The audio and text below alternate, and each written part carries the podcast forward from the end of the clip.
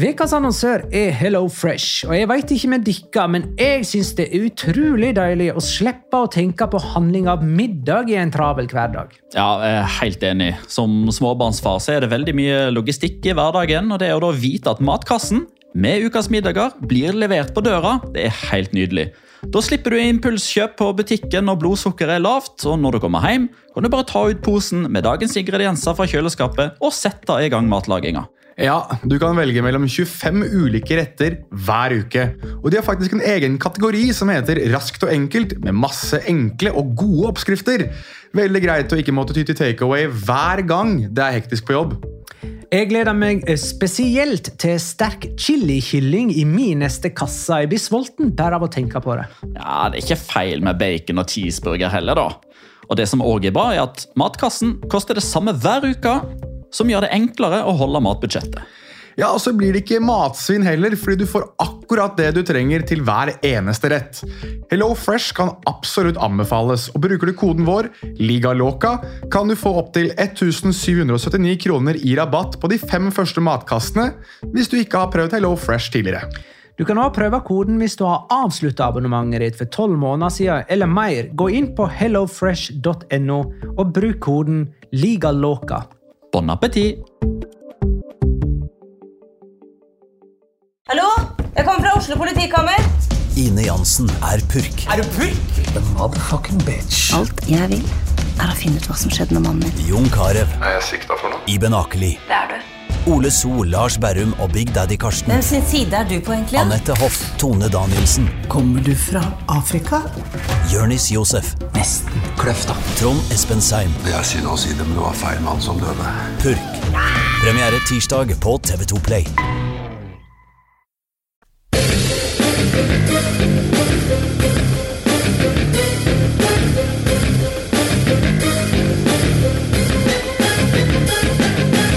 Har du sett? Ingen slår Barcelona så ofte som Levante, og nok en gang ble katalanerne felt på Ciutat de Valencia. Dermed var tabelltoppen ledig for utfordrere, men da skulle Atletico bomme på straffe, Granada skulle komme ned på jorda, og Real Madrid skulle skyte rett på en blind keeper. La liga loca. En litt gærnere fotball. Ja, ja, ja, dette er La Liga Loca, episode 90 av det ordinære slaget, med meg, Magnar Kvalvik, hei. Og deg, Jonas Giæver, hei.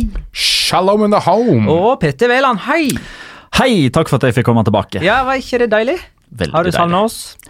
Eh, Jeg har savna dere, eh, og jeg må si det at eh, etter å ha hørt på La Liga Loca-episoden sist, uten å vite hva som kommer, det var nesten fristende til å repetere det. For det var så gøy å ikke vite hva som kom i La Liga Loca-episoden. Litt skuffa over at ikke du sendte oss spørsmål. Ja, jeg også. Ja, faktisk. Ja, jeg tar sjølkritikk. Ja. Jeg tar sjølkritikk. Eh, og vi, jeg og Jonas har savna Petter. Det har vi. Det har vi. Selv om Tobias er veldig flink han òg, da. Ja, ja, ja. Det må sies. Eh, og takk igjen til Tobias, som eh, leverte til tier på eh, børsen. Skal vi gå rett i gang? Han, han, kom, jo- han var jo inne rett før en midtvekerunde. Eh, sånn, sånn at når det nå er ei uke siden, så føles det jo som en evighet, for det har blitt spilt 20 ligakamper. Vi får vel først og fremst fokusere på den siste runden, men ikke helt glemme midtvekerunden heller. Det blir for mye å ha styr på, egentlig, for meg, disse to rundene. Jeg, forstår deg veldig godt akkurat der. I helga så eh, begynte det jo lørdag, da. Det var jo ingen fredagskamp nå. Espanol Valencia 1-2. For første gang denne sesongen så snur Valencia en kamp og tar med seg tre poeng etter å ha ligget under. Española starta denne sesongen med seks strake heimetap. Det er en ny klubbrekord. Eh, og så spør eh, La Leo Loca eller han egentlig bare konstaterer, når jeg tenker meg om. I fjor jakta Valencia rekorden med flest uavgjort i én sesong. Nå tror jeg de har satt mål av, å, mål av seg å prøve å slå en slags strafferekord. Det hagler jo straffe hver gang Los Che spiller. Jeg har kommet fram til ti. Ti straffespark, enten for eller mot eh, Valencia, på tolv serierunder. Ja. Seks for, fire imot. Og Og det var to i denne. ja, og i tillegg så har det jo har det vært straffespark i to av tre kamper i Champions League. Én i favør Chelsea og én i favør eh, Valencia da mot Ajax. Så, som de bomma på. Som Parejo bomma på. Eh, Han, har sånn for, han har for vane å bomme på straffe i Champions League, sånn som mot Juventus for et år siden. det er enten rødt kort eller straffe eller begge deler i hver Valencia-kamp. Eller skade. Jeg tror vi, var, vi må mange kamper tilbake igjen for å finne en Valencia-kamp som ikke har inneholdt enten, som du sier, eh, straffespark for eller mot, utvisning mot, eller at en Valencia-spiller har gått av med skade, typ Francis Coquelin eh, forrige kamp, altså i midtuken. Og så føles det som at uh, Daniel Parejo enten har scoring eller målgivende i hver eneste kamp. Eller i hvert fall når Valencia scorer, så er han involvert på en eller annen måte.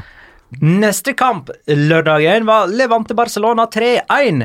Eh, Barcelona skåra jo fem på Valladolid i midtveka, og så tapte de altså 3-1 her. Det vil si 6-4 i målforskjell denne veka på to kamper. Og folk sier de er ikke underholdende lenger. Levante lå under, men snudde altså kampen med tre skåringer i løpet av sju og et halvt minutt. Og ingen av sleget Valverdes Barcelona så mange ganger som Levante. Tre ganger har de vunnet. Dette for øvrig var første gang de slo Barcelona med Messi i aksjon. Han hadde 17 seire og to uavgjort mot Levante før dette nederlaget. Skal poengteres her da at det er det er en god prestasjon av Levante, definitivt, men det er også De tre skåringene har jo alle et litt sånn element av surrealisme over seg, syns jeg, da. Som Levante setter. Det er to der som går litt sånn via via og setter terstegen ut av spill. og med all respekt til Borja Majoral, han treffer ikke så godt noen gang i karrieren sin som han gjør på 2-1-skåringa. Det skjer ikke. Han skåra mot Real Sociedad, var han. Han gjorde det. Jeg tror jeg hørte noe greier om at han Er det sånn halvparten av skåringen hans eller noe sånt nå i La Liga Han kommer mot Real Sociedad. Det, det, I det, er ikke halvparten. Ja. Det er Tre, ikke halvparten. tre av åtte. Tre Altså. av åtte. Men det var tre sesonger på rad på Anueta. Uh, først med dette tanndekket rundt, og så med en uh, veggreklametype bak det ene målet, og så uh, med fullverdig stadion. Så uansett hvordan Anueta ser ut, så skårer Borja Majoral der. Barcelona har like mange tap denne sesongen som hele forrige sesong. Sevilla Atletico 1-1, rundens mest opplagte resultat. Sevilla spilte 1-1 både mot Valencia i midtveka og Atletico i helga, etter å ha leda i begge oppgjør. Hey, Morata skåra i sin fjerde offisielle kamp eh, på rad. Så til alle de som ber meg om å komme med en slags omvendt jinx-type ting, så er altså Jonas mannen for sånt. Ja, eller i hvert fall hvis jeg sier at noen gjør det dårlig, eller er dårlig, så gjør de det bra. Så det er jo kanskje det jeg burde begynne å gjøre med ditt lags favorittspiller. Uh, Tar du betalt for sånt? Så kanskje jeg skal begynne med det? Sånn der Jonas Jigs trademark. Ja. Ja. Atletico bomma på straffe. Det var jo Deo Costa som gjorde det. Og Atletico Madrid har altså bomma på flest straffespark gjennom hele La Liga-historien, med 137. De har bomma på en tredel av alle straffespark de har blitt tildelt gjennom alle tider. Og de har bomma på 20 straffer bare dette tiåret. Kan jeg si noe om Diego Costa? Han bommet på straffesparket her. Ja? Han Er det noe igjen av han? Sånn Nei. Altså, det virker, det virker så tamt. Altså, han virker ikke sint lenger heller. Det er liksom ingenting der. Finnes, det fins ikke noe kaos lenger. Nei, men det, det virker bare som at det, det har gått sin gang. Ikke kvalitet heller. Nei, veldig lite av noe som helst. Altså, det er bare Han, han, er, han er der. Altså, han er figuren Dio Costa, men det er liksom Det er ikke noe forbannelse, det er ikke noe krigers- krigerevne, det er ikke noen mål, det er ikke noe kaos, det er ikke noe Så vidt det er kort. Altså, han fikk vel øh, Han fikk vel ikke kort i den kampen heller, nei. Jeg sitter med statistikken her. Altså, han gjør ingenting av det Han Dio Costa gjør. framprovoserer nesten ikke kort heller. Altså, veldig mye av det som var suksessfaktoren hans, det var at han klarte å få motstanderen litt ut av fatning, sånn at han, han var nødvendigvis ikke sånn supergod for fire, fem, seks, sju år siden heller, men da møtte han forsvarsspillere som nesten konstant var sånn 90-95% på, og 5-10 irritert og ute Men av han hadde jo en tendens til å skåre. da. Han var nå oppe i sånn 27. Jo men, jo, jo, men det var jo av at han møtte midtstoppere som var 5-10 ute av fatning, Sånn, ja. på grunn av hans skitne triks. Jeg husker En av favorittskåringene mine i La Liga, sånn, bare pga. bevegelsen til en spiss, var mot uh, Real Madrid på Santiago Bernabeu. Da han dytter først borte, jeg tror det er Varan, og så spinner han rundt ryggen på Varan, og så spilles han igjennom. Og alene med keeper så plasserer han den under. Det er så fantastisk bevegelse. Var det da han ble spilt gjennom med Arda Toran? Det tror jeg er For riktig. jeg, Ja. jeg tror det er den, en av de feiringene som har satt seg mest i minnet mitt. Hvis det var den, da han og Arda Toran Ja, det, det var liksom ikke noe jubel. Det var liksom bare sånn hm, Her er vi. Ja. Sånn gjør vi det. Ja. sånn her eh, mannaklem og Ja, altså Dio Costa står og peker liksom på gutta. Liksom, ja. Vi går videre. Real Madrid, Real Betis 0-0. I likhet med Barcelona så skåra Real Madrid fem mål i midtveka. Deriblant med Luka Jovic på uh, målskårerlista. Og i likhet med Barcelona så gikk det altså på poengtap uh, i helga. Uh, Betis har holdt nullen på Santiago Bernabeu tre år på rad. Eh, og det er første gang Real Madrid spiller 0-0 hjemme under Zinedine Zidane. Og det mot en keeper som bare så på det ene øyet. Jeg må Ja. skyte inn der at det er første gang i La Liga-historien at et lag går tre sesonger på rad uten såpass. å slippe inn mål på Santiago Bernabeu. Det har aldri Barcelona klart. Diego Simione har aldri klart det med sitt Atletico Madrid. Ingen har klart det før. Det er jo eh, Altså, for, for Ruby her, da, som, det er jo den mest perfekte uka du nesten kunne få. Betis vant Sparken-derby mot Celta Vigo Ja. i midtveka og fulgte opp med et poeng på Santiago Bernabeu. Så nå sitter jo Robi trygt i alle fall ei uke. Og for å bare fortsette på den jinx-manien min Selvfølgelig så var det Nabil Feker da som skåra det målet som kanskje redda jobben til Roby to uker etter at jeg satt Den feiringa har satt seg litt hos meg. For han var borte og sklidde inn i favnen til Ja, han Robi. sklei på kne. Ja. Han er en av de få som har klart å skli på kne i La Liga. Ja. Hvem var det som var det Iker Monjain. Klarte ikke det. Også Porto, sammen med Oyarzabal på den 2-1-skåringen mot Granada. Ja, det var den flaue Det må jo, må jo si Sånn som, synkronfeiling. det må jo si som Monjain at tør han virkelig å skli på knærne? Har han Ja, så vidt sant. knær igjen? Er det ikke? Ja, det er liksom Når euforien tar overhånd, så tenker man ikke på sånt. Ja vel, i hans tilfelle så Valladolid Mallorca 3-0. Her kommer vi altså ikke utenom at Sandro Ramires kom inn for Valladolid etter å ha fått gult kort under oppvarming, for øvrig. Og skåra sitt første mål på to år. Og i intervjuet rett etter kampen så sa han jeg håper det blir det første av mange for Valladolid. Vi håper det blir ikke to år til neste gang, i alle fall. La oss ta én ting av gangen, liksom. Det er litt gøy, det hadde vært litt morsommere om han sa at jeg håper dette her er, at det går to år til neste gang. Forrige gang han skåra sånn i en offisiell tellende kamp, det var for Everton i november 2017 i eh, Europaligaen, da de tapte 5-1 for Atalanta. det, Så det var en skåring som ingen brydde seg om.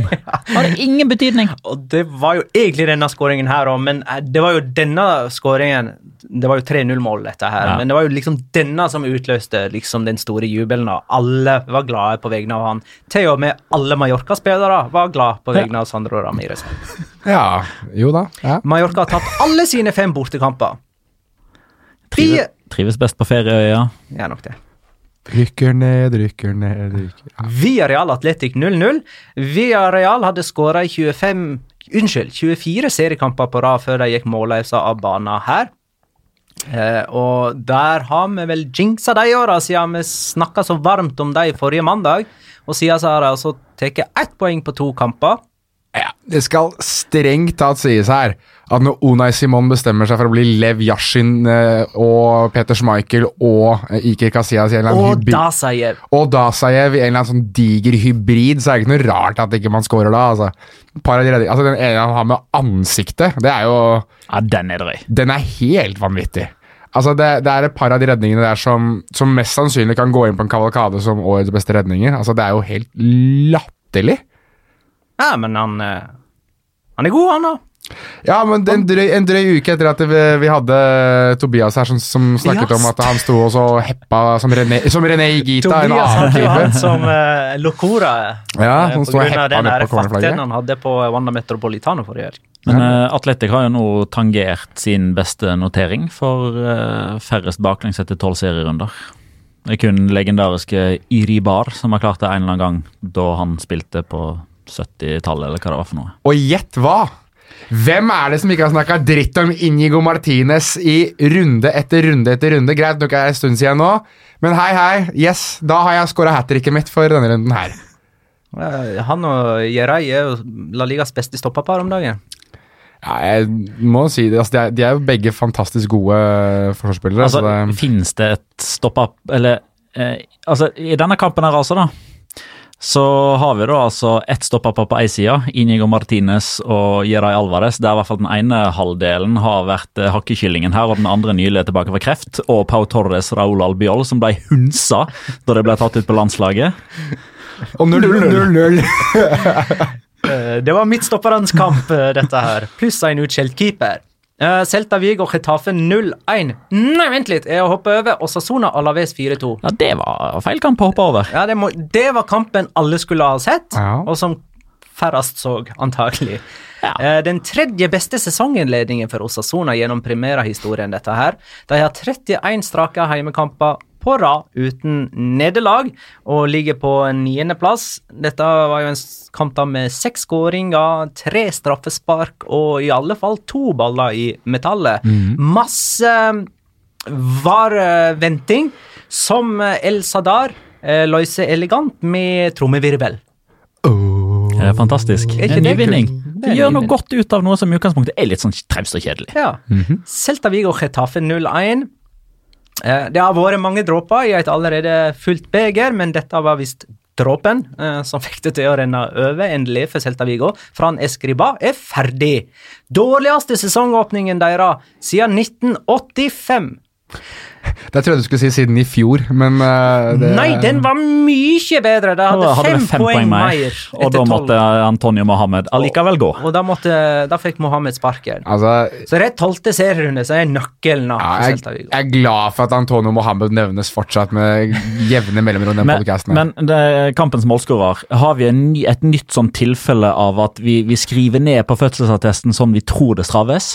Bare for å sagt det at Du tar eh, en av mine backup-lokoras her, men ja Robert Kennedy, det er eh, Og Kennedy, Også Kennedy med én N. Med én N. Det er, det dette er fantastisk. Altså eh, men da må jeg fortsatt å skyte inn det som egentlig skulle være Lokoran. Da. Altså, I Brasil så har du jo også hatt tilfeller der du har hatt Michael Jackson da, som spiller mot Mahatma Gandhi. Så det er liksom Jeg har vel blitt bytta inn med Elton John en gang òg. Michael Jackson ut og Elton John inn. Jeg det mener jeg har sett et sånt bilde som har gått er viralt. riktig, ja. Jeg tror også det har skjedd. Men ja, du har rett, du har rett der. At dette er nok et tilfelle der man har blitt ganske inspirert av uh, en kjent person og skrevet det slik du har hørt det.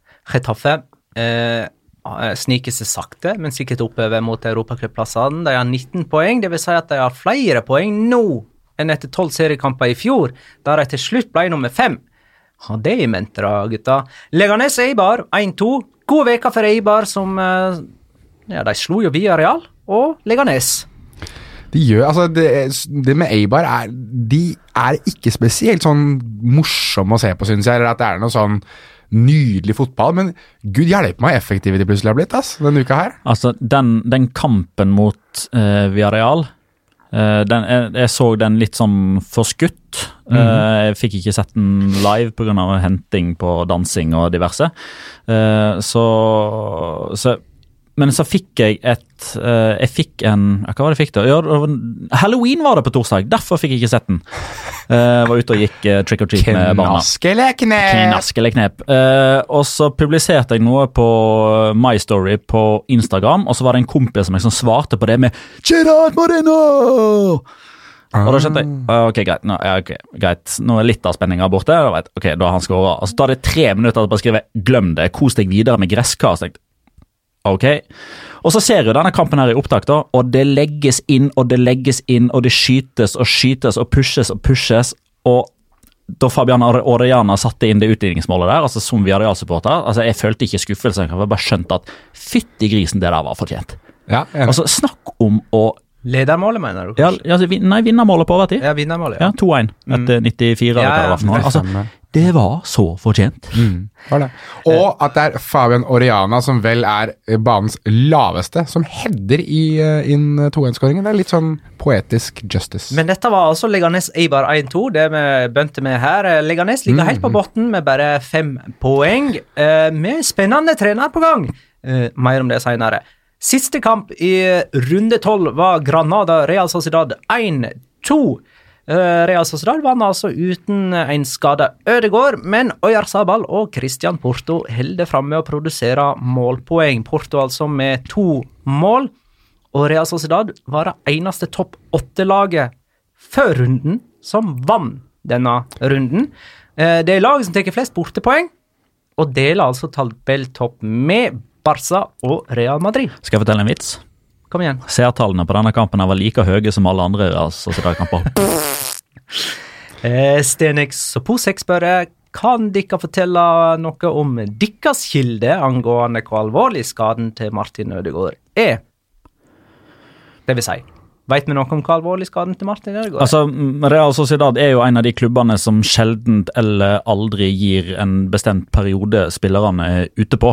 Eh, ei heller med Martin Ødegaard. Altså, I motsetning til f.eks. Barcelona. da, De kommer alltid med estimert tid ute. Fire uker, seks til åtte uker, ti til 15 dager. Um, dette her er jo en type skade som, eh, som ble å si, produsert borte mot Celta Vigo. Han spilte med den mot eh, Levante, forverra den. I etterpåklokskapens lys så burde han ikke ha spilt den kampen, og heller bare ja, blitt klar igjen til denne kampen, og så vært eh, fit for fight igjen. Det er ingenting som tyder på at kampen mot Leganes i utgangspunktet er i fare, men her tenker jeg at Martin sjøl bestemmer litt hva han vil framover. Fordi etter kampen mot Leganes, som er tabelljumbo, eh, der det kanskje kan være lov til å Eh, om en ikke går i fella, da, men kanskje tro at den klarer Real Sociedad uten Martin. Eh, altså, De viser an at de slår Granada på bortebane uten Martin. Imanol Alguacil kan være relativt trygg på at Real Sociedad med Porto, med Miquel Ørzabal, Williams og Semerino, you name it, de klarer det fint på hjemmebane mot Leganes, for det kommer to landskamper. Hvis Martin virkelig vil spille de to landskampene, så kan det hende at han, han står over dette her for å unngå å slå den opp eller forverre den, og så kommer kanskje årets høydepunkt for Martin Ødegaard den 25. november. Real Madrid, Real Sociedad. Og så er spørsmålet Disse to landskampene som eh, Norge spiller, er jo uten betydning. Og Det har ingenting å si. Absolutt ingenting. Noe Fifa-poeng her og der på koeffisienten. Ja, ja, drit i det. Kampene betyr ingenting. Og Da må, da må jo Martin Ødegaard veie opp hans ønske om å representere laget, spille med flagget på brystet, sterkere sammen, hashtag ditt og hashtag datt. Med den risikoen at spilleren mot Færøyene og Malta, og kanskje er det en som kommer litt for seint inn i den hælen igjen, og så slår han opp skaden, og så får han ikke piller på Santiago Banabeo. Det er jo et worst case scenario. Så det, jeg tipper det er et valg som, eh, som Martin tar i samråd med Alguacil. For å bare sette en konklusjon på det. Jeg tipper at han sitter på benken ja, mot uh, Leganes. At uh, de er litt forsiktige der. Så viste Mikkel Oyarzabal, synes jeg, nå har ikke jeg fått sett hele kampen, men jeg har fått sett det jeg ønsket å se, at han uh, uten Ødegaard faktisk får litt mer spillerom. Altså Han føler seg litt mer fri, virker det som, i det systemet når, han ikke, når Ødegaard ikke er der. Altså Det er i hvert fall enklere for han å bevege seg fritt innover i banen osv. Og, så og den pasningen til Porto på 1-0 er fantastisk. At han ser med det overblikket at han ser Porto sitt løp på andre sida, det er Weltsklasse, som de sier, i et land som ikke er Spania. Eh, og Østerrike? Blant annet. Eh, og jeg tror at, som du sier, Petter, at de, de er ikke med fare for å høres veldig sånn flåsete ut, de er ikke avhengige, tror jeg, av Ødegaard for, for å vinne mot Leganes på hjemmebane. Vi har en spinnvill tabell med der tre lag topper med 22 poeng. Det er ett poeng mellom de fem øverste, og fem poeng fra topptrioen og ned til Valencia på 13.-plass. Jan André. Mraz Hagen spør har La Liga nok en gang tidligere vært så jevn etter ca. en tredel av sesongen spilt. Fem poeng altså fra nummer 1 til 13. Svaret er nei. Eh, det kan godt hende. Fem poeng fra 1 til 13. Jeg svarer nei. Altså Fra og med tre poeng ble innført for seier i 96, eller hva tid det var, så har det aldri skjedd. Men det har vært hva, tre poeng mellom topp sju i 98-99. Ja. Og så eh, mener jeg Pedro, Pedrito Numeros sier at i 92-93 så var det seks lag som var A-poeng på toppen. Ja, men eh, da med to poeng, på så da, da, blir det, da blir det automatisk mindre forskjell på tabellen. Ja, ikke sant? Da hadde de tolv poeng etter tolv runder, eller noe. Ja. Det høres jo ekstremt lite ut, spør du meg. Det høres men- ut som at alle har spilt uavgjort. Eh, Alle kampene er uavgjort. Men altså, etter etter tolv serierunder så er det jo ingen lag som er stabilt gode. Alle snubler i hytt og pine, selv de lagene som på mange måter overrasker positivt. Ta f.eks. Real Sociedad, som må jo være fornøyd med å ha 22 poeng der oppe etter tolv runder, men likevel, de taper hjemme mot Retafe og Levante og, og liksom går på disse skuffelsene, de òg. Eh, og klart, de ulike lagene har ulike målestokker å forholde seg til, men ta f.eks. Real Madrid og Barcelona, da. Det er første gang på 14 år at ingen av de har klart å ta 23 poeng etter 11 seriekamper spilt. Og begge disse klubbene har jo fått sine faresignal i løpet av de siste par sesongene. Uten at det tilsynelatende er sånn umiddelbar bedring å spore. Eh, og sånn som jeg eh, på en måte ser eh, arbeidet deres da med å forbedre seg fra sesong til sesong, det er å kjøpe milliardverdier av spillere. Når sist kjøpte La oss slenge på Atletico òg. Real Madrid, Barcelona og Atletico, en spiller som gikk um, uomtvistelig inn og heva laget. Det er et veldig godt spørsmål. Og jeg, Ja, og det er faktisk ganske lenge siden òg. Eh, ja. Altså, jeg For å prøve å liksom finne et navn, så satt Altså, Og le av meg hvis dere vil, men jeg, i Barcelonas tilfelle satt jeg faktisk igjen med Paulinho. For han spilte veldig mye i starten nå, og jeg synes at Barcelona så veldig gode ut med Paulinho i laget. Vi kan jo skyte inn at det er, vi er fortsatt ikke helt sånn overbevist over Frenkie de Jong. Tror kanskje han kommer til å bli bra. Og så spiller Eh, han Han under fast. kan bli. Jeg føler, at Kan abs bli. jeg føler at absolutt alle de spillerne som ble henta i 2019, fortsatt er sånn kan bli. Ja, Antoine Griezmann, Joao Felix, Så- Eden Hazard, Renan Lodi. Altså Alle kan bli, men de har ikke, vært, de har ikke vist seg det. Og for, og for eh, Atletico sin del, altså, du nevner noen av dem, så, så er jo Thomas LeMar fortsatt en sånn kan bli. uh, men det er jo halvannet år siden snart. Men jeg, jeg føler, altså av de som fortsatt er der nå, for å ta Atletico Madrid, uomtvistelig inn og gjør det bra, og fortsatt er en veldig solid mann i elveren, Jan Oblak i 2014. Ja, det er, den er jeg med deg på. Men han men, Ja, jo, jo. Men selvfølgelig, i, mell i mellomtida der så har det vært spillere som eksempel har blitt henta i 2015 og solgt videre, noe som ikke er der lenger, som ble karakterisert da som et kjempegodt kjøp.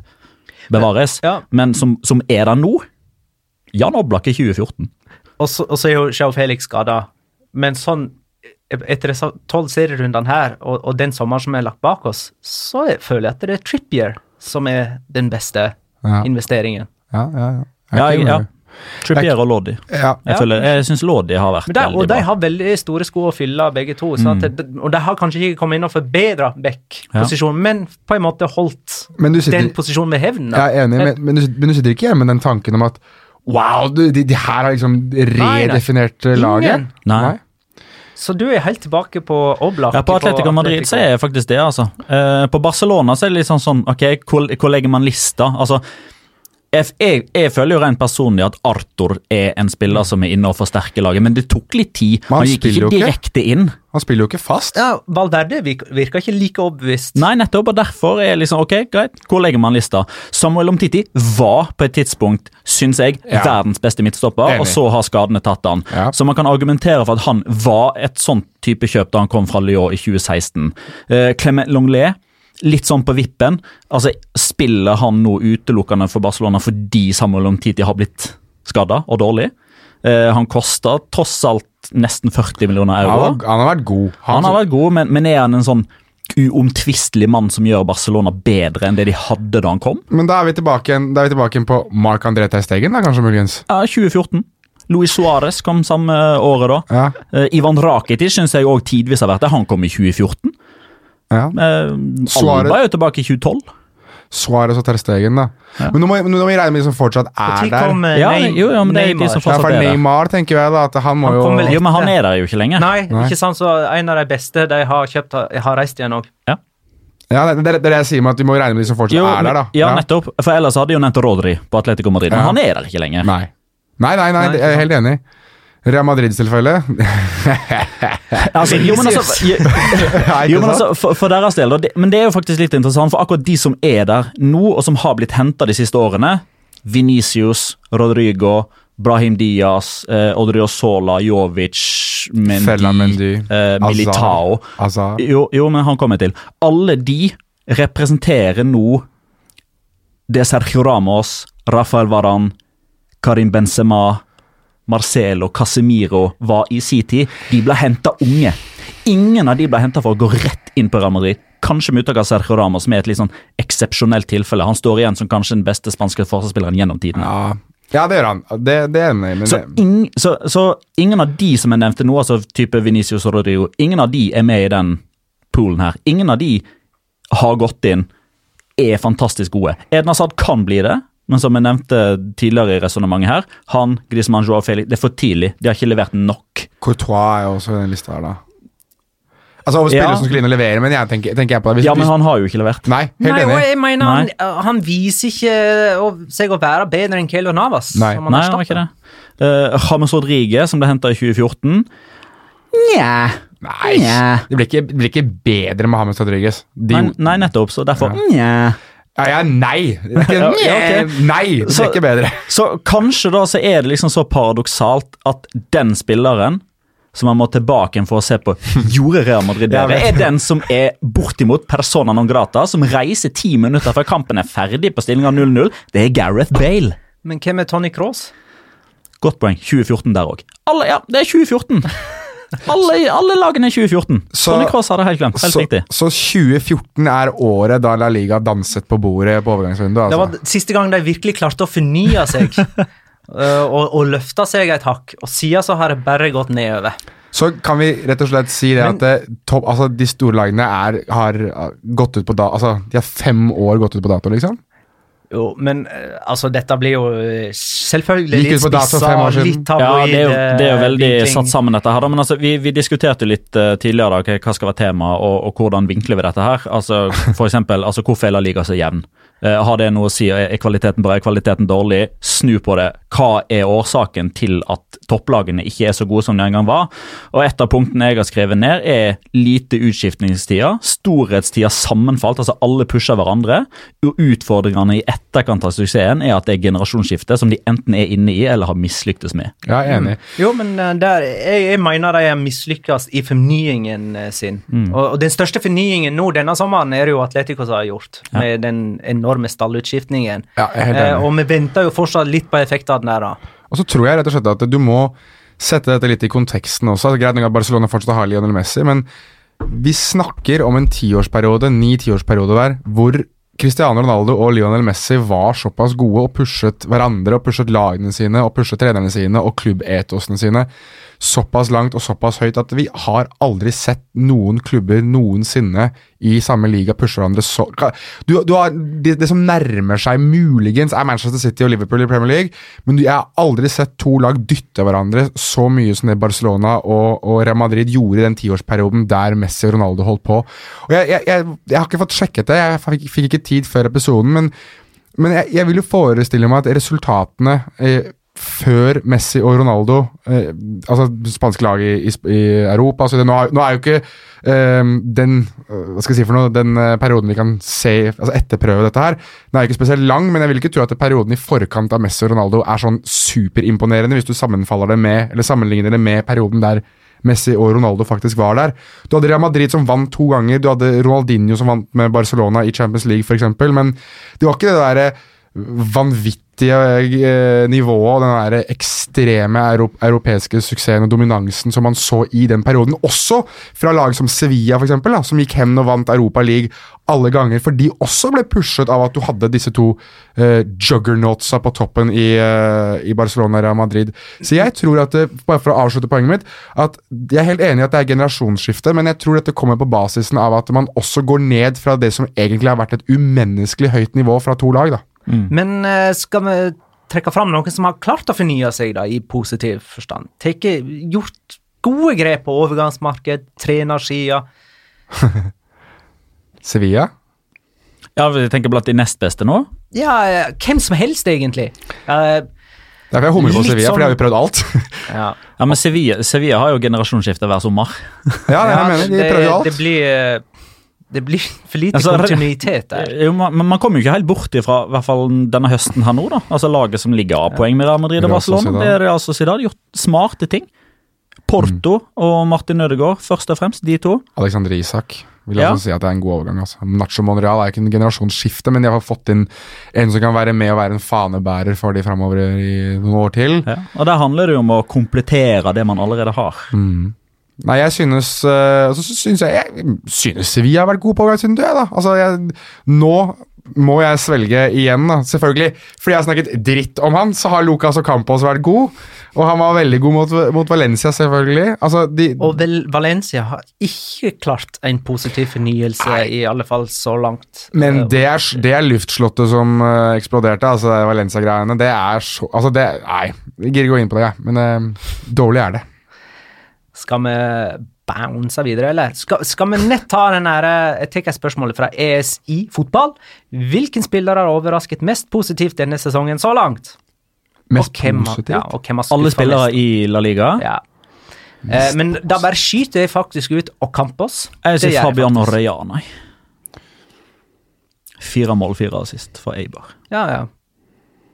Det er top of my head. ja. Top of my head, da. Det er også en Sevilla-spiller. Sergio Regilon. Syns jeg har vært god. Ja. Eller så kan jeg skyte inn Porto også, for så vidt. Ja, det tror jeg ja. Porto er bra. Jimmy Avila, kanskje? Noen også Sona-spillere burde egentlig ha blitt Ruben Garcia er blitt Ja. veldig Antonio. Portas i Granada. Mm. Jeg er veldig fan av. Egentlig så er det veldig mange å plukke av akkurat der. Dette lukter litt sånn uh, jule, romjulsspesial. Ja, det det er det. faktisk. Ja. Det er sånn omfattende spørsmål, det der. Fått mange av de. Prøver å spare opp de, og så ta de i sånn her oppsummerings... Det er din jobb. Ehm, vi må tilbake til et eh, tema som uh, dukker opp med jevne mellomrom, nemlig dømming. Hei! Jeg, jeg tenker Noe av det verste som kunne skje i videodømming, var at det ble innført i Premier League med dårlig håndtering. For da skriker alle som er imot videodømming, veldig høyt om at alt må legges ned. Jeg er ganske fornøyd med videodømmingen fortsatt i Spania, bare sånn at det er sagt. Sånn som det er sagt, det Eller bare så det er sagt, det er jeg òg. Men jeg syns da merka en VAR-glitch i helga, faktisk. Kan jeg ta den konkrete situasjonen jeg tenker på? Ja.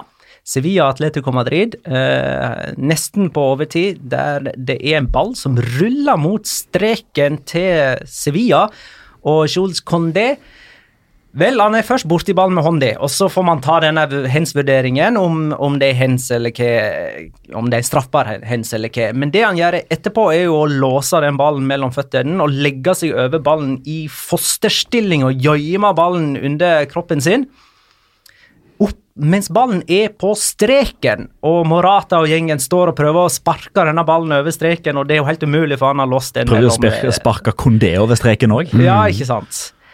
Eh, og dette enda faktisk i et frispark til Sevilla. Og så får vi jo repetisjoner. Vi har jo for så vidt fått et stillbilde sendt av Alexander Larsen, eh, og det er for så vidt Det har jeg beskrevet nå. Som er Atletico Madrid-fan, selvfølgelig. Selvfølgelig. Eh, men eh, hva sier dere om den situasjonen der? Skal, skal, Ja, ta, la oss ta Jonas først, da. Altså, skal vi drite i Hensen? Jeg vil, Eller vil, vil ikke ha med Hensen i, i diskusjonen? Altså, jeg synes at det er vrient med Hensen, fordi at uh, Condé faller jo framover, og i, han, Hva skal han gjøre, da? Altså, Han blir jo pusha for, forover der. Kan jeg bare skyte inn at mm, det, det der minner meg litt om uh, det som står i reglementet, at hvis en spiller dette og får ballen på den armen som han tar seg for, så er ikke det en straffbar hands. Ja. Og det er jeg villig til å gå med på i tilfellet her. Og sånn som var i tilfelle, sånn som var tilfellet i, eh, med Fedal eh, på Santiago Bernabeu mot eh, Real Madrid. Som heller ikke endte med straffespark. Som heller ikke endte med straffespark. Det var ikke en straffbar hens. Og det synes det står ganske klart i regelverket at når en spiller dette eller sklir for å blokkere et innlegg, og får ballen på den hånda han tar seg for med, så er ikke det straffbart. Så den er egentlig ganske grei. Det jeg sliter med etterpå, det er det at Kondé låser den ballen mellom lårene eh, på streken. Da er vi helt enige, for der er den regelen jeg alltid har lært, er at når en spiller låser ballen, så skal det droppes. Og da skal den droppes på streken. Eventuelt Ja. at det er ind Nei, det blir jo på femmeter, da. Ja. Mm. Men at det er indirekte frispark. Ja, det kan også være, ja. Men- Enten eller. Men hvis det er dropp, så har jeg forstått droppregelen sånn at uh, hvis det skjer innenfor 16 meter, så skal ballen droppes til det forsvarende laget. Ja. Så indirekte frispark måtte ha blitt Ja. resultatet her. Uh, da inntar jeg igjen rollen, den har jeg hatt ofte, uh, som uh, ikke nødvendigvis forsvarer dommerens avgjørelse, for dommerens avgjørelse er feil, men veien til avgjørelsen, hvordan blir det til, hvorfor dømmes det som det, døm, som det dømmer. Og For å forklare situasjonen for de som ikke har sett den, så ligger Joles Condé, eller han sitter på huk bortimot og låser ballen mellom beina. Eh, Og, men mellom han og dommer Gonzales Gonzales så er det åtte spillere. Det er åtte spillere som står i veien for at Gonzales Gonzales faktisk skal se at ballen blir låst. Assistentdommer står helt ute ved sidelinja. Han er helt nede for å se om ballen er over streken eller ikke. Det er fire spillere som blokkerer sikten inn. Og i enhver situasjon, og for å ta Eliteserien her i Norge som, eh, som et eksempel Når de, i motsetning til sine spanske kollegaer, faktisk da viser mot og baller og ydmykhet nok til å stille opp på TV i etterkant og forklare hva som har skjedd, så sier alle ja, i etterkant så ser vi at her skulle det vært utvisning, scoring, you name it. Men i kampens hete så så vi det ikke, og ser vi det ikke, så kan vi ikke dømme. Vi skal ikke dømme på det vi tror, men vi må dømme på det vi ser. Men Petter, men Petter, hvorfor bruker de ikke VAR? Nettopp. Skal jeg forklare, eller skal du Jeg skyte vet inn, hva du har lyst til å forklare. Ja, Og det her jeg mener var glitchen Ja. kommer. det er helt enig. Og det er at det, det er ikke scoring, så VAR kan ikke gripe inn og si Eller ja, han har ikke mandat til å si sin mening om dette. Det er ikke straffe, og det er ikke rødt kort. Men kunne det hindre en opplagt skåringsmulighet med ureglementære middel, og så havner da metoden hans i et slags vakuum i forhold til det, eller med tanke på VAR-protokollen. Og, og det eksisterer ingenting for en videodommer til å gå inn og si at her skal det være indirekte frispark, selv om det er en helt opplagt ureglementær frarøving av en scoring. Og så er det spørsmålet i etterkant om dette her kan være en situasjon der konsekvensen i etterkant blir at det blir lagt til. Men det vil sikkert mange være uenig i, fordi man vil jo altså Selv jeg som er i hermetegn VAR-forkjemper, og som ser nytteverdien av det, vil jo at det skal begrense seg til så få ting som mulig, for at det ikke skal bli for mange stoppespillere for mange regler og protokoller og punkter å forholde seg til. Eh, og da blir det jo igjen en sånn definisjon Ok, indirekte frispark, skal det gjelde tilbakespill òg, da? Eller er det kun låsing av ball på Ja, strek? sant? Det blir, altså, det, det blir veldig vanskelig man, uansett. Man må finne sin ramme for, for bruken av det regelverket. Eh, og jeg husker jeg snakka med Hauge, Terje Hauge. Terje Hauge i sommer, eh, og spurte han liksom om, om VAR fortsatt er i en prøveperiode, eller om det nå er på en måte etablert. Og han sier klart og tydelig det er fortsatt i en prøveperiode. Ja. Eh, og dermed så er det på en måte rom for utvikling av sånne type regler og den protokollen. da. Og her føler jeg at videodømmingen blir satt på en skikkelig prøve. Mm, jeg er enig, men jeg syns, men jeg syns det er trist at man benytter Og det er ikke bare for å skyte Ja, inn det, ja, ja. at det er ikke det er en menneskelig feil. eh, I alle fall ikke så, Altså, det er jo en feil av dommer å dømme som han dømmer, men som Petter sier, umulig å se. Eh, og dermed så blir det på en måte et, et, regelproblem og et protokollproblem, Ja. heller enn eh, menneskelig svikt, på en måte. Jeg synes, og Her har du muligens tittelen din til episoden. altså, jeg syns VAR er litt som kommunisme. At uh, I prinsippet så høres det kjempefint ut, og alle får likt, og alle er uh, likemenn, og alt er fantastisk. Men i, men i praksis så fungerer det ikke. Altså, Enkelt og greit fordi at Har folk- du landa på at det ikke fungerer? Ja, men det, fungerer... du, altså, det virker ikke som det fungerer så optimalt som det burde gjøre. Her Du har sett så mye si. Premier League du nå, Jonas. Ja, men det er det samme For der fungerer det ikke, det er helt ja. Det fungerer ikke der, og det, man har hatt klage på det i Spania. Det tar for lang tid. Nå det er jo sitter vi her og snakker om at det brukes ingen som har sagt at det skal være perfekt og ikke ha Lig- i Ligue feil 1 diskutere hadde nylig, i Ligue 1 det nylig Monaco-spiller som sparka ned hele VAR-greia fordi at Det det, var en feil ingenting. der. Det sier jo absolutt ingenting. Ja, men det, det viser jo en misnøye i Europa rundt bruken Ja, av VAR. det misnøye med er en dommeravgjørelse. Ja, men jeg synes uansett det at Hvis systemet er såpass i en prøveperiode og ufullstendig som det det tilsynelatende er, så er det vrient. Altså, jeg, jeg tror meg, I prinsippet så syns jeg VAR er fantastisk, og dette har jeg snakket masse om at jeg syns VAR er, er, er en berikelse for rettferdigheten i fotballen. Men når man er såpass usikker på hvordan det brukes, og at det er et system som virker såpass ufullstendig, Men hvem er det som er et usikker onde, på hvordan det eller er det gode? Men, men hvem er det som er usikker på hvordan det brukes? Vi snakker jo her om at, at det ikke blir brukt riktig i forbindelse med, med Atletico Madrid. Med Det blir Syria. brukt riktig ut ifra sånn protokollen er. Vi foreslår protokolljusteringer. For ja, at at det det til er slutt skal bli så perfekt som det kan bli. Ja, ok, ja, Uten da, at det blir helt perfekt. ja, da har jeg Kommer misforstått den aldri til å bli. Vet du hva? Der runder vi av. så lener vi oss litt tilbake, så ser vi tilbake i tid, rett og slett. Da det ikke eksisterte VAR! Før var Har du slapp disse møkkadiskusjonene! Det er før 2017. Det er før 2017. Og det er Jonas som uh, har ansvaret for å berette om en historisk begivenhet som jeg og Petter skal sette årstall på. Ja, jeg kan i hvert fall si en ting om uh, denne karakteren her. At hadde VAR eksistert, så hadde ikke han vært like kjent som det han kanskje er nå. For han var mye offside. Eh, jeg har forberedt litt. Eh, det er mange fotballstjerner som huskes for sine bragder på banen, og mannen vi skal innom i dag, er ikke helt annerledes. Men for enkelte, og spesielt undertegnede, så huskes denne riflebæreren for noe litt annerledes. I løpet av sin karriere i spansk fotball maktet nemlig Walter Pandiani å gjøre flere ting som er ganske så spesielle. Han skåret hat trick som bortelag på Santiago Bernabeu, han ble toppskåreren i Europa League, og han har vunnet Copa del Rey med hele tre forskjellige lag. Men når du tenker uruguayaner i La Liga, så er det fortsatt unnskyld hvis du tenker på Luis Suárez eller Diego Forlan foran Walter Pandiani. Men dersom du tenker på famøse intervjusettinger, så skal du uansett tenke Pandiani før noen annen. Det var nemlig som 35-åring at han hadde blitt matchvinner på overtid i en kamp mot Chetaffe, og var da selvfølgelig i medias søkelys. Og var den som skulle møte pressen for sin klubb etter kampen. Eh, Så langt er det egentlig ikke noe så uvanlig. Det som muligens var litt uvanlig, var at en mann som nettopp hadde kommet fra en fotballkamp, hadde rukket å dusje og kle seg i skjorte før han skulle stilles til veggs av journalistene. Dette hadde Pandiani rukket, og han satt der i sin lysegrå skjorte.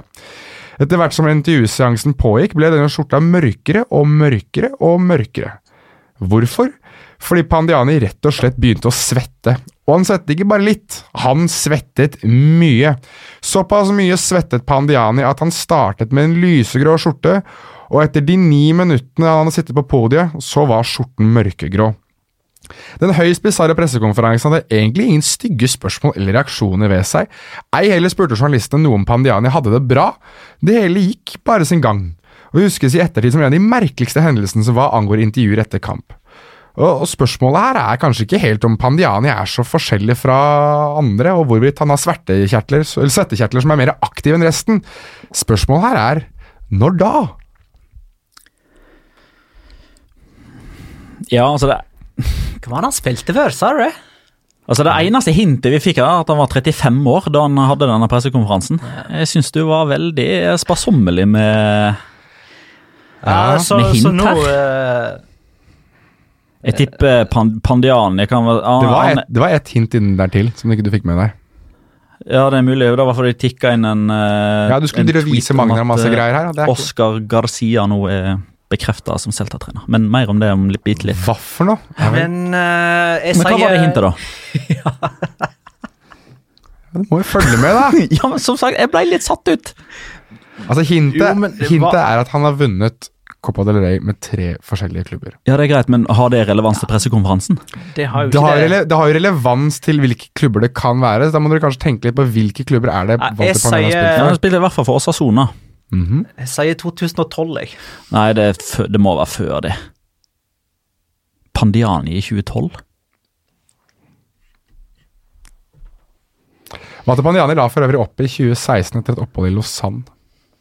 Bare så dere er klar over det. Fire år etter okay. det. Han la ikke opp som 30 Han har lagt opp som 39-åring.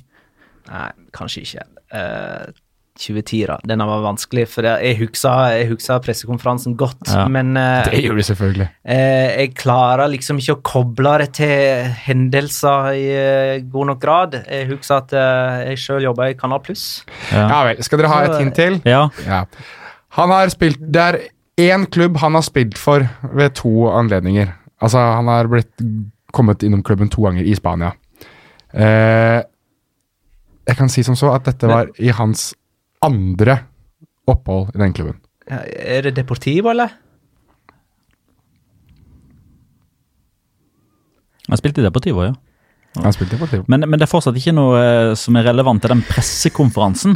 Altså, gi, oss, gi oss målskårerne i kampen som ble spilt der Ja, han hadde pressekonferanse. Nå må vi ha et svar. Det kan jeg gjøre. 1-0. Valgte Pandiani. Ja, han var matchvinner på Hvem, bortebane. hvem, hvem slapp inn målet? Det kommer jeg ikke til å si. Nei. Nei, da sier jeg sier 2010. Ja, da er vi enige. Dere er ganske nære, da. Det skal dere ha. Men det er eh, 22. september 2011. Midt imellom. Ja. Spanjol vant 1-0. Walter Pandiani ble byttet innpå. Det var. Spanjol, ja. Ja, var Espanol, ja. Der var han to ganger. Det var vel Osasona imellom der, hvis jeg ikke husker helt feil. Skal vi sjekke? Nei, Osasona imellom. Greit. Ja, nei eh, Det som distraherte oss litt, da, Jonas, var dette med trenerkarusellen. Eh, det tikka jo inn offisielle meldinger Ja. mens eh, du Jeg, dreiv på. jeg syns det var litt gøy at jeg kom Så, nå. så nå går vi til trenerkarusellen. Ja. Um, og der uh, Hei, jeg har en uh, quiz. ja. Jeg må bare tenke Jo, for det, det er Celta Vigo, ikke sant? De sparka fra Neskerba, og så Leganes har jo nå òg ansatt en trener. Eh, og her kommer en quiz. Hvem er den eneste treneren som har ledet Osasona til en Champions League-plass? Javier Aguirre! Riktig! Quiz 2. Etter at Atletico Madrid vant ligaen i 1996, gikk det tolv år før de endelig kvalifiserte seg til Champions League på ny. Hvem var treneren som klarte bragden med å få dem inn igjen i det gode selskap? Javier Aguirre! Riktig! Quiz 3 fra Mats Jul, eh, Julsen Christiansen. Hva får Leganes i sin nye trener Javier Aguirre? Champions League! Ja. For, altså, da han tok over Osasona Dette var i 2002. Da var målet hans å redde laget fra nedrykk. Det klarte han. Og fire år senere så var det Champions League. Hæ? Dette er poesi, altså. Jeg, men jeg må si, jeg må bare innrømme at jeg ble litt glad uh, over å få Javier Aguirre tilbake. Jeg så ikke den komme og tenkte at det er jo en god nyhet, for der har du en karakter. Uh, der har du en historie. Det blir kult når han skal tilbake igjen til Pamplona. Det blir kult når han skal på Wanda Metropolitano for første gang. Ja. Du synes rett og slett at det er kult med Ja. Javier Aguirre? Ja. ja, jeg synes det er en bra signering. Synd at vi ikke har en trener i La Liga som heter Gabiria. For da kunne vi fått Aguirre Gabiria-derbyet. Det hadde vært litt gøy. Nei, altså Men med han har jeg sagt til Martin.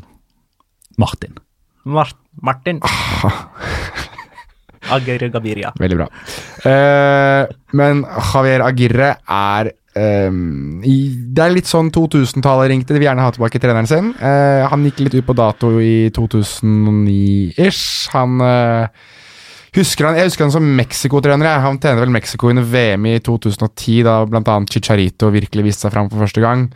Uh, da røk de mot Diego Maradonas Argentina i åttedelsfinalen. Ja, det setter ikke du på CV-en din, altså. Nei, og han har Men, jeg, men Og en- så Egypt hadde han vel òg. det er godt du nevner, for jeg, jeg skrev navnet Jeg la ut en tweet eh, om, eh, om at han hadde tatt over Leganes nå, og da fikk jeg Jeg har tydeligvis noen egyptiske følgere som bare Nei! Nei, nei, nei, nei, nei! Hvordan har han fått jobb igjen? Og dette er jo fra en nasjon som har blant annet hatt Ector Cooper som eh, Cooper som, eh, som landslagstrener. Og hvis det er en mann som har virkelig gått ut på dato, så må det være Hector Cooper. Så hvis Javier Aguirre var verre enn Hector Cooper igjen nå, da uh, syns jeg egentlig litt synd da på, på Leganes. Men, men som Magna påpeker her, ja, eh, han er en karakter. Ja, han kommer til å ha noen øyeblikk i løpet av den, eh, den sesongen her som vi kommer til å snakke om. og ja, det blir litt mer interessant kanskje å følge Leganes, men nei, det blir ikke for de riktige årsakene. Nei, det, altså, dette er jo litt sånn uh, Ja, hva skal vi si? Altså, vi, vi snakka jo om det her uh, rett etter at Mauricio Pellegrino hadde fått sparken, og vi snakka litt om uh, han som da var favoritt innledningsvis, altså Gustavo Poyet. Altså, ok, hvorfor? eh, og så endte det ikke med han, og så var det Luis Sembranos, B-lagstreneren, som hadde det i tre kamper. Det begynte bra og avslutta veldig dårlig. Så jeg, jeg føler dette her er liksom et sånn jeg føler det er tidlig i begynnelsen av november å begynne å snakke om at Leganes er litt sånn desperate, men dette er litt sånn de skal ha inn en mann med disiplin. Nå skal de strammes opp. Det blir ikke offensivt sprudlende fotball. Oh, Det blir ikke det, blir altså. Det blir ikke Eh, det. fra Neskerud var altså ferdige Celta Vigo etter tolv runder, akkurat som Mohammed i fjor, men med fem poeng dårligere. Um, jeg, sku, jeg har jo faktisk skrevet i mine notater her Kanskje Celta Vigo skal ha is i magen og vente til Valverde er ledig før de ansetter en ny. Ja, men nå- problemet er jo at eh, altså, reglementet er jo sånn at hvis Ja, Ernesto Valverde får fyken nå, så kan ikke han trene et lag før 1. juli 2020. Hadde de hatt. Franeske de Blad fram til det, så hadde de spilt Segunda 2020-2021. Men nå er det offisielt at Oscar Garcia. Mm, der var jo um, Solari linka i disse dager. Eh, og jeg er jo litt glad det ikke ble han, for hva har han å vise til, annet enn hva, 20 seriekamper med Real Madrid som ikke gikk så bra? Altså, Nei, Der veit man jo veldig lite om egentlig hva man får. Fordi den perioden der var egentlig Det var liksom unntakstilstand for uh, hele klubben, egentlig. Mm. Ja, jeg, hadde jo, jeg trodde jo oppriktig talt at de, de skulle ende opp med Kikkiset igjen. Jeg satt og tenkte at det hadde vært Ja. en fantastisk uh, Men var ikke det noe med lønnskrav og den Jo, slags? det er vel det. Det er i hvert fall det som blir rapportert av eh, en god del Celta-fans. Uh, Nå vet man ikke liksom sannhetsgehalten i det og hvor mye som er frustrasjoner og sånn, men de he- hevder i alle fall uh, hardnakka at uh, Carlos Mourinho, som er Celta Vigo-president, han er ikke i nærheten av å tilby den lønna som en trener som Kikiset igjen vil ha. Ja, skjønner. Han, han vil ha low budget-trenere. og det er klart at Når du ser på CV-en til Oscar Garcia, så er den, den litt spennende og så er den veldig kaotisk. Og så sitter jeg igjen med store spørsmålstegn om hvor god han egentlig er. Altså, Makabi Tel Aviv har han vært i to ganger. Brighton, Watford, eh, Salzburg. Sant, etter igjen Olympiakos. Han er ungdomstrener i Barcelona. altså Han har vært overalt i løpet av seks år. Vet dere hvem som også har trent i Olympiakos, som nå trener i La Liga? Ernesto Valverde. Nettopp, så dette her blir jo mest sannsynlig dritkjedelig, men eh, pokaltungt. Da tror jeg det er på tide å kåre rundens spiller. Det er Petter som skal gjøre det. Og du vil ha musikk? Jeg vil ha musikk. Da får du musikk. Og du er klar? Eh, ja. Bra. 53. Gustav 5-3. Har du kjent på den følelsen av at alt går til helvete? Toget går idet du kommer løpende inn på perrongen. Siste buss hjem lukker døra rett foran trynet ditt, og da må du gå. Og en bil kjører i den eneste sølepytten i mils omkrets akkurat når du går forbi, og ødela jakka du kjøpte, men egentlig ikke ville ha, men som du måtte ta til takke med fordi den du egentlig ville ha, ble kjøpt av han som faktisk rakk det toget som du ikke rakk. Lottotallene har sikkert gått inn én etter én, men ekstase har blitt til depresjon. Fordi den fem ukers lottokupongen han leverte, ble levert for seks uker siden. Og alle båsene på det offentlige toalettet var opptatt da han fikk renneræv fordi kjøttstykket han fikk servert, var forderva. Og det var for øvrig midt under den daten fra helvete som gikk til ja, helvete. Vi har snakka mye om jinxing og jinxmeister Kvalvik i La Liga Loca, men nå skal jeg fortelle deg en ting. Sandro Ramires skåra på søndag etter 53. Gustav 5-3 målløse seriekamper på rad i La Liga og Premier League. 8. mai 2017 var forrige gang han gjorde det. For Malaga mot Celta. 1. mai 2017 satt jeg og Jonas på tribunen på La Rosaleda og så Sandro og Malaga vinne 4-2 mot Sevilla. Først så skåra Sandro, og vi jubla. Så bomma Sandro på straffe, og da begynte den helvetes uturen. Ja da, han skåra helga etter, men det var bare for å gi et snev av glede før depresjonen, marerittet og udugeligheten tok han. Hei, fun fact! Ideen om La Liga, Lø La Liga Loca ble født langt nede i et alkoholisert glass på en bar i Malaga akkurat den helga. Fy faen for en tilfeldighet. Sandro, jeg er så jævlig lei meg. Jeg håper dette gjør opp for skaden og at du ikke bærer nag. Det har jo tross alt ikke vart lenger enn ja, to og et halvt år. Akkurat da du var i startgropa av noe stort og ble solgt til Premier League og skulle inn på landslaget og spille VM i Russland og gjøre sportsdirektøren i Barcelona til skamme. Sorry, jeg er jævlig lei meg. Men du er iallfall rundens spiller, Sandro Ramires. Ikke verst for en fem minutter eh, på banen etter å ha fått gult kort under oppvarming. Kanskje det er det som er greia? At han må få gult kort som innbytter før han kommer på banen for å skåre mål. Er vi Det er jo nesten en locora, det der. kan vi kalles for uh, Altså, for Jinxens podcast, liksom? Er vi jing... Altså, alt som jinxes, jinxes her? Ja, og nå skal vi kanskje ta enda mer i locora! Ukens La Liga Locura. Locura. Locura. Locura. La Liga Locura. Jeg kan begynne her. Ganske enkelt. Messi skåra på frispark mot Valladolid på tirsdag. Det var hans mål nummer 100 fra utafor 16-meter for Barcelona. Og i løpet av de siste fem sesongene har han alene skåret flere frisparkmål enn alle lag i de fem største seriene. Messi har 20, Juventus er på andreplass med 15. Den er ganske solid. Ja, den er solid. Og der er det vel litt fordelt òg, ikke det? Med både Dybala og Cristiano Ja, Ronaldo. Når, når sant skal sies, så ligger jo Barcelona Pjanic, ja. øverst på den lista da, med 23. For Messi har skåra 20, og så har Ja, han altså andre. og- Suárez ja. to og Coutinho ett. Ja, noe sånt. Ja. Uh, men ja da, uh, jeg syns Messi, som jo er galen god eh, fortjener en plass i locoraen vår, Ja. for en gangs skyld. Jeg tror han kunne hatt eh, ganske mange locoras. Kunne hatt hver runde. Ja. Eh, Jonas, Nei, altså du har jo toucha innom, eh, innom det da i, i starten her, med, med en blind keeper. Og for en, en kar som har brukt briller siden han var eh, ja, Hvor gammel var jeg? Fem år gammel, kanskje? Aldri brukt linser. Så jeg har alltid ment at, det, at linser er et onde. Altså Jeg liker ikke linser, jeg har prøvd det, jeg syns det er grusomt. Og tydeligvis så har jeg en supporter der i Joel Robles som eh, Og det er første gangen jeg noensinne har sett en kamp bli avbrutt fordi keeperen har mistet linsa si ute på banen. Altså Det skjedde jo på Santiago Bernabeu, eh, da Real Madrid møtte Betis, og midtveis vel i eh, andre omgang, så måtte Robles rett og slett ut på sidelinja for å få noen til å hjelpe han med å finne nye linser og sette de inn, for han hadde på seg keeperhansker, så de kunne han ikke ta av seg. Så han måtte ha hjelp til å sette på linsene, og da det ikke gikk, og de hadde brukt typ halvannet minutt, så var det sånn Ok, da, vi driter i det! Og så løp han tilbake i målet sitt. Men det som også var en slags locora, var det at jeg sa ja, har dere hørt om en, en kamp stoppe fordi noen har mistet linsene sine? Jeg har sett sett det, men noe sånt før, ja. Har du det? Ja. Jeg hadde aldri sett det før. Men det er jo verre når det er en keeper. Da må man jo stoppe hele kampen, mens en utespiller kan man, Da kan man jo fortsette å spille mens han står ute. Vel, hold den tanken, fordi like etterpå, eh, etter at jeg hadde lagt ut bilde av dette her, så fikk jeg en tweet eh, fra eh, Sander Stødle, som tvitret at, eller fra Fotball Italia, at i Juventus mot Torino så hadde Matais de Licht klart å miste linsa si, og kampen hadde også stoppet der. Nei, i Oi. samme kvelden. Samme kveld. Eller var det dagen etter det? Nei, det var samme Det var samme kveld. Det var lørdag kveld. Ja, det gikk samtidig, de kampene. Ja.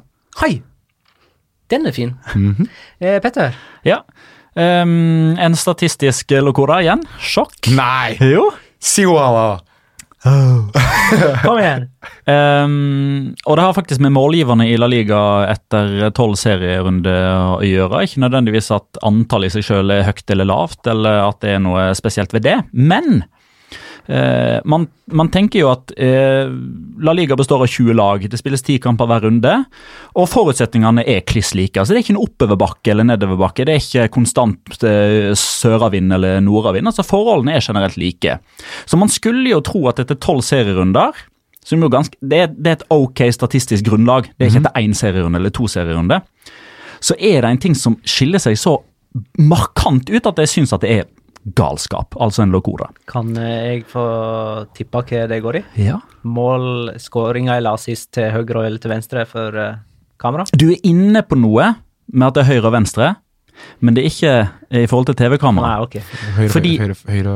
Bekkene i La Liga Ah, ja. har til sammen 45 assist. Altså spillere som har vært back, har 45 assist i La Liga. Og man skulle jo tro at det liksom ja, 20, maks sånn 25-20 fordel liksom ene sida. Nei da. Høyrebekkene har 33. Venstrebekkene har 12. Altså, venstrebekkene må ikke opp i ringa her, altså. Der ser du Trippier og det er Trippier, og det er Ander Capa, og det er Daniel Wass, og det er Roberto Rosales, og det er Alvaro Odriozola, og det er Sergi Roberto, og det er Nelson Semedo, og det er you name it. Alvaro Odriozola har vel én av de.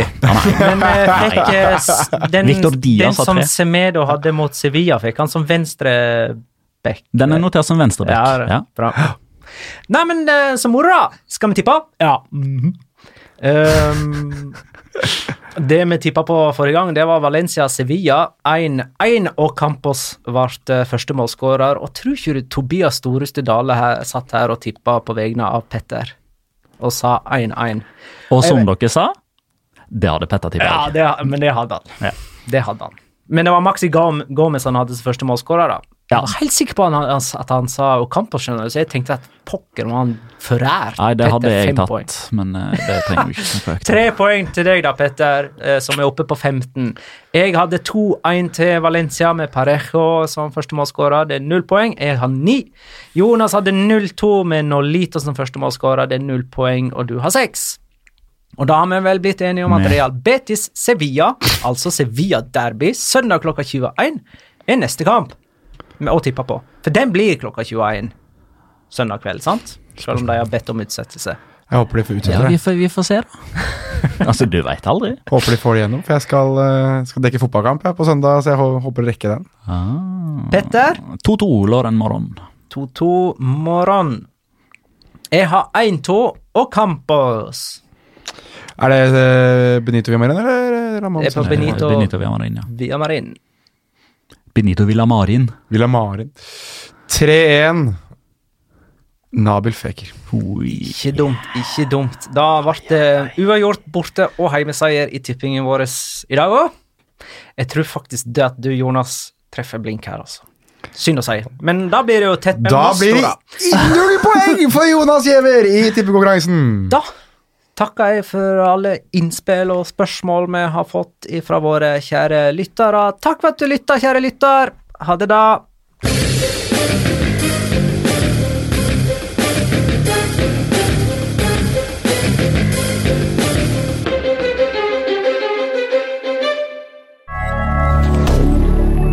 Media. Har du et enkeltpersonforetak eller en liten bedrift? Da er du sikkert lei av å høre meg snakke om hvor enkelt det er med kvitteringer og bilag i fiken, så vi eh, gir oss her, vi. Fordi vi liker enkelt. Fiken superenkelt regnskap.